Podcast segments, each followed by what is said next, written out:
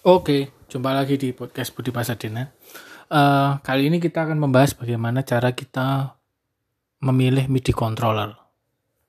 Ada dua jenis, yang umumnya jenisnya berupa keyboard MIDI controller, kemudian ada jenis yang lain mungkin berupa drum pad, uh, drum elektrik, kemudian ada lagi mungkin kayak flute, terus uh, gitar juga ada yang MIDI controller. Saya akan bahas ke keyboard controller dulu. Oke, ada berbagai macam jenis, agak ada berbagai macam merek dan type. Yang saya tekankan di sini adalah pertama, yang paling sederhana hanya berupa touch. Touch saja. Jadi touch hitam putih yang paling kecil ukurannya 25 keys, 25 keys itu 2 oktav. Kemudian ada 22 keys. Uh, uh, sorry, 32 keys itu 2 oktav setengah, kemudian 37 keys itu 3 oktav, 49 keys itu 4 oktav, 61 itu 5 oktav, 77 keys dan 88 keys yang paling gede untuk grand piano. Pilih jumlah keysnya, uh, jumlah keysnya. Kalau saya nyamannya itu ada di kalau untuk musik pop, untuk produksi musik pop kemudian produksi musik yang non EDM itu saya saya nyaman di 49 keys saya kesulitan bikin musik pop untuk di 25 keys, tapi saya cukup nyaman untuk uh, bikin EDM atau musik-musik eksperimental di 25 keys. Jadi keys yang kecil itu kalau buat saya tidak nyaman untuk bikin musik pop. Kemudian touch response yaitu uh, feelingnya enak nggak main di touchnya itu. Saya paling nyaman ada di 49 keys, kemudian touchnya scene action.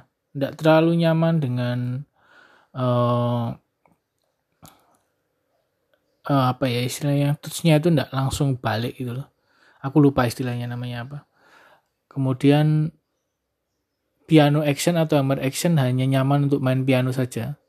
Beberapa musik scoring yang saya buat itu ada di 49 keys semua. Bahkan dulu di era-era Bilumela tahun 2014 pakai di 32 keys malah pakai Roland PC 100A itu. Kemudian selain uh, tus aja mungkin bisa dipertimbangkan kita perlu beli yang ada knobnya atau ada padnya atau fadernya. Nah kebetulan di awal-awal karir saya dulu saya beli terpisah itu. Saya punya Kok Nano Control 2 hanya untuk mixing konsol di Pro Tools. Jadi itu ada fadernya, ada knobnya. Kemudian saya punya Oxygen uh, 49, ada knobnya, ada ada fadernya. Kemudian yang paling simpel yang saya miliki kemarin itu adalah Akai Mini MK2. 25 keys ada pad, ada knob tapi tidak ada fader. Uh, saya beli semua keyboard control kecuali keyboard. Saya belum pernah nyoba punya roll itu. Dan yang paling enak untuk kerja saya ada di 49 keys tanpa uh, tanpa fader, tanpa knob jadi hanya polosan. Kemudian untuk fader dan knobnya saya arahkan ke kok uh, Nano Control 2. Kemudian untuk produksi yang menggunakan pad saya pakai AKM ini. Memang agak sedikit boros ya kalau beli 4 atau 3 alat itu. Cuma uh, saya enggak enggak kepikiran di awal itu untuk bikin uh, kayak punya satu keyboard control yang lengkap kayak M Audio Oxygen yang generasi 3 itu ada knob, ada fader, ada ada padnya juga. Nah, beberapa teman ini tak sarankan untuk beli yang langsung komplit aja. Lebih murah, kemudian studionya jadi lebih bersih tidak terlalu banyak USB di tempatku itu USB ada colokan nih sekitar yang kepake 8 atau 9 itu dia agak ribet banget untuk kabel manajemennya. Keuntungannya apa? Punya banyak alat itu kita bisa membawa misal ini ya ada job mixing doang gitu. Kita cuma bawa laptop sama kok nano control 2 sudah ringkas sekali tidak perlu bawa keyboard control dulu pada saat itu mikirnya seperti itu jadi modular bisa dicabuti satu-satu gitu loh akhirnya di ransel atau di tas tidak terlalu berat kalau harus keluar studio jadi itu beberapa tips untuk milih atau beli keyboard MIDI controller uh, sebisa mungkin kalau bisa beli baru beli baru karena touch keyboard ini sangat rentan. Kalau misal beli bekas harus dicek dulu semua touchnya hidup, kemudian tidak ada missing link MIDI messages-nya. Jadi pernah saya beli keyboard MIDI messages-nya itu error semua. Jadi CC-nya gerak-gerak sendiri, kemudian fadernya gerak-gerak sendiri walaupun di fader fisiknya tidak digerakin. Pitch bend-nya kacau, kayak gitu-gitu itu. Modulation wheel-nya tidak akurat, tidak bisa sampai 0 sampai full 127 value-nya. Jadi harus dicek benar-benar satu persatu. Dan MIDI controller sekarang udah murah-murah banget. Di bawah 3 juta rata-rata sudah cukup banget untuk produksi yang profesional sekalipun.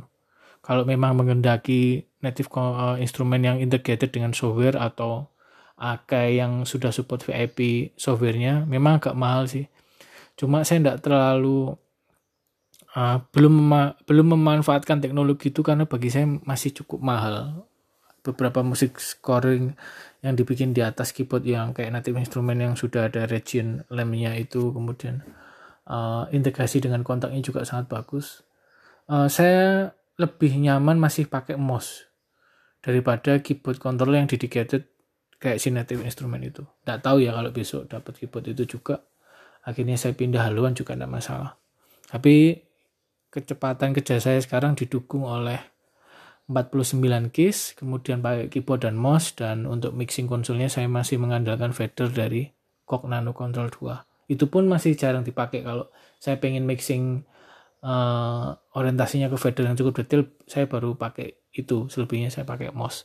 Automation juga pakai mouse kebanyakan atau digambar langsung karena lebih presisi dan uh, kalau hanya untuk musik-musik yang automationnya tidak detail saya baru pakai Kok Control dua itu lalu uh, kenapa harus punya keyboard controller atau MIDI controller kayaknya sekarang ini teknologinya mengarah ke sana ya.